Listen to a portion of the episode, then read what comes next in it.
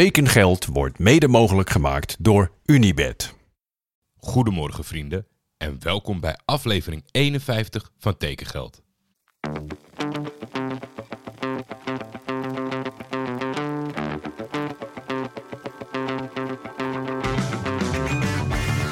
Waar gaat Hilterman naartoe? Tijd is geld. En veel geld in voetbal is bijna een garantie voor succes. Hallo Paul, this is Hans Nijland. I would like to invite you here in Groningen. In de zomer gaat Van de Beek naar Gaat Van Madrid. de Beek gewoon naar Real Madrid. Manchester United hoeft niet meer te bellen. Die hoeven niet te bellen. Nee, nee.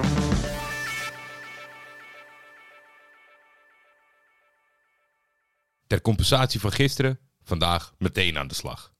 We begonnen de dag met een speler die van Utrecht naar Almere trok. Dan moeten we toch Stef de Bond inschakelen, ondanks dat hij momenteel bij VI de honneurs bij Ajax waarneemt. Vertel het ons Stef, wie is het en wat kan hij?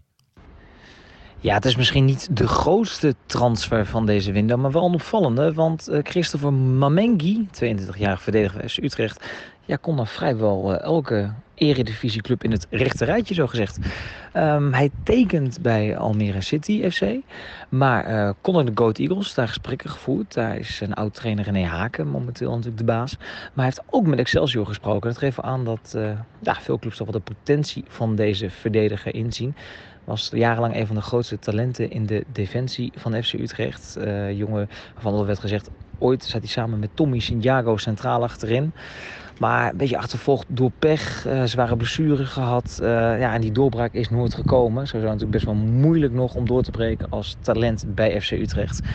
En ja, uiteindelijk is die definitieve doorbraak er niet gekomen en tekent hij bij Almere. Nu ken ik Utrecht inmiddels een beetje. Die zullen wel een aardig doorverkooppercentage hebben bedongen. Maar ja, voor Almere een, een zeer interessante speler. Ook met oog op de toekomst. 22 jaar, jeugdinternational.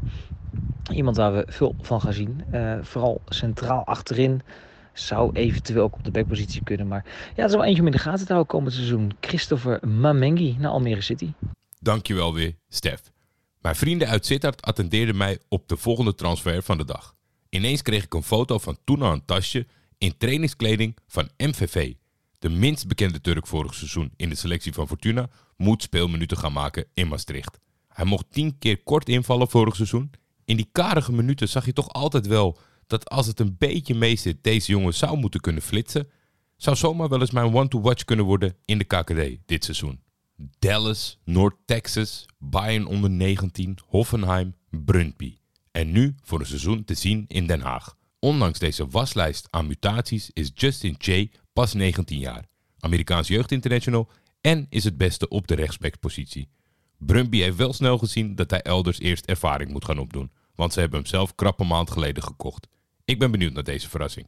Soms wil het ook gewoon niet lukken. Hakon Gangstad, de Noorse linkervleugelbestrijker van PEC, kende een sensationeel begin van zijn avontuur in Zwolle. 0-5 winnen bij Telstar, na 82 minuten gewisseld met twee assists op zak. Daarna ging hij enorm kwakkelen met blessureleed. Logisch als het bij 82 minuten blijft dat je afscheid neemt van elkaar. Maar nee, PEC ziet het toch in hem zitten en verlengt afgelopen juni het contract van de Noor. En twee maanden later is Hakon vertrokken naar Ranheim op het tweede Noorse niveau. Vreemd verhaal. Reuven Niemeyer is terug in Nederland. De alleskunner vertrok als sterkhouder van Excelsior naar de Italiaanse Serie B om bij het mooie Brescia te gaan spelen. Het werd echter niks. En waar ga je naartoe na een teleurstellende periode? Natuurlijk, Waalwijk, het Nederlandse voetbalrehabilitatiecentrum. Reuven was oké in de eredivisie en redelijk sensationeel op KKD-niveau. Benieuwd hoe hij terugkeert nu na dat teleurstellende avontuur in Italië. De laatste afgeronde transfer van vandaag is die van Kodai Sano naar NEC. En wat hebben wij dan een mazzel als er een speler overkomt van het tweede niveau in Japan dat wij Gerard Posma hebben. Vertel Gerard, moeten ze enthousiast raken in Nijmegen? Nadat NSC zich eerder al had versterkt deze transferperiode met de komst van de Japanse aanvaller Kokyo Ogawa, die kwam van Yokohama FC uitkomend in de J1 League, heeft het zich nu versterkt met een 19-jarige talent Kodai Sano, die overkomt van Fagiano Okoyama uitkomend in de J2 League. Sano maakte vorig jaar zijn debuut voor Fagiano Okoyama en al snel ontpopte hij zich tot vaste basiskracht. In totaal speelde Sano 50 officiële wedstrijden voor Fagiano Okoyama, waarvan 48 in de J2 League.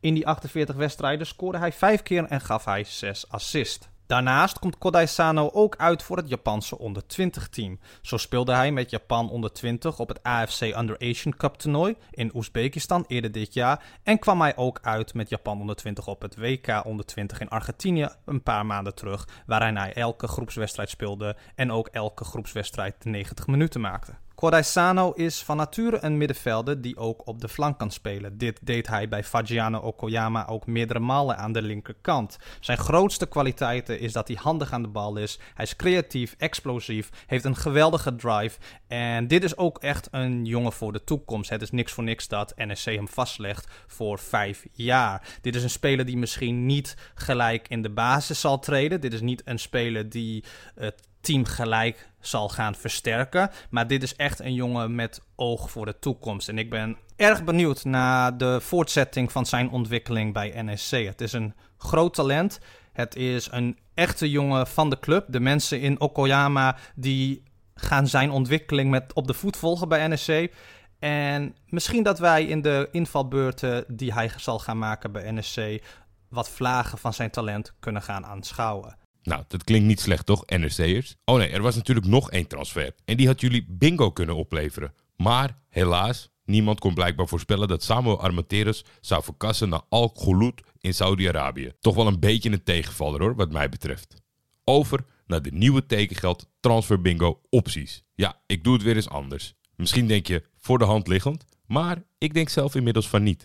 Want Ajax en Feyenoord liggen nu al heel lang voor de deur bij Dynamo Zagreb. Nou is verblijven in Kroatië natuurlijk geen ramp. Ik zou er zo heen gaan. Maar het brokkelt natuurlijk wel een beetje je status af als club zijn om zo lang in de wachtkamer te blijven zitten. Waar spelen Luka Ivanusek en Josip Sutalo volgend seizoen?